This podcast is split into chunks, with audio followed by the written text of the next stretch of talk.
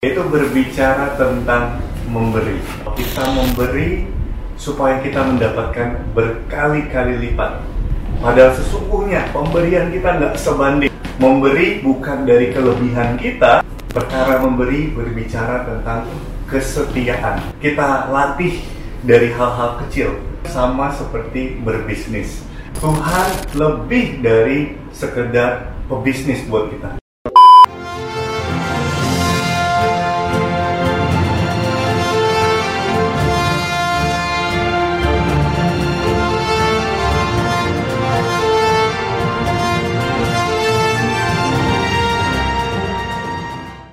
Kali ini ketemu lagi dan kita akan membahas satu tema yang menarik yaitu berbicara tentang memberi. Ketika kita berdoa, sering kali kita mendengar doa yang berbicara bahwa kita memberi supaya kita mendapatkan berkali-kali lipat. Apakah itu salah?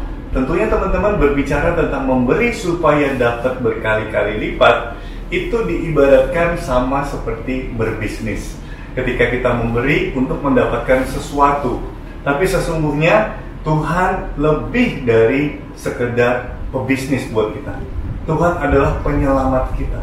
Tuhan adalah Tuhan yang memberikan pertolongan buat kita. Jadi ketika kita berbicara tentang memberi, bukan untuk mendapatkan, tetapi karena kita sudah mendapatkan kita sudah merasakan kebaikan Tuhan dalam hidup kita, kita sudah diselamatkan dengan pengorbanan yang begitu luar biasa. Untuk itulah kita belajar untuk memberi. Padahal sesungguhnya pemberian kita nggak sebanding dengan apa yang sudah Tuhan lakukan buat hidup kita. So, hari ini kita kembali diingatkan persembahan seorang janda miskin. Memberi bukan dari kelebihan kita, tetapi sesungguhnya memberi dari kekurangan kita.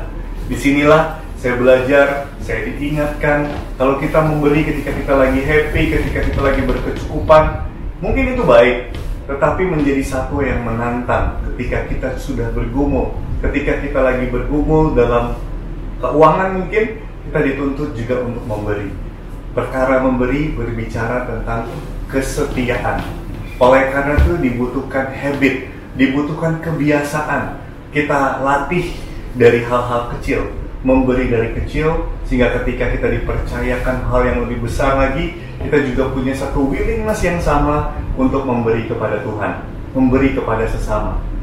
Ketika kita berbagi kepada orang-orang yang berkekurangan di situlah contoh nyata bagaimana kita bisa mencintai Tuhan yang gak kelihatan.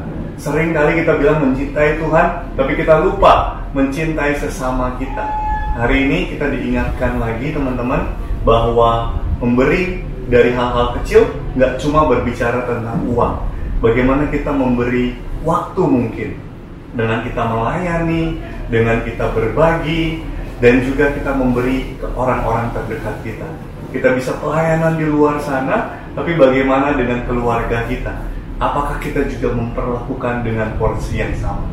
Yang kedua, selain uang, finansial, kita juga berbicara tentang waktu selain waktu kita juga berbicara tentang perhatian kita, tenaga kita, action kita.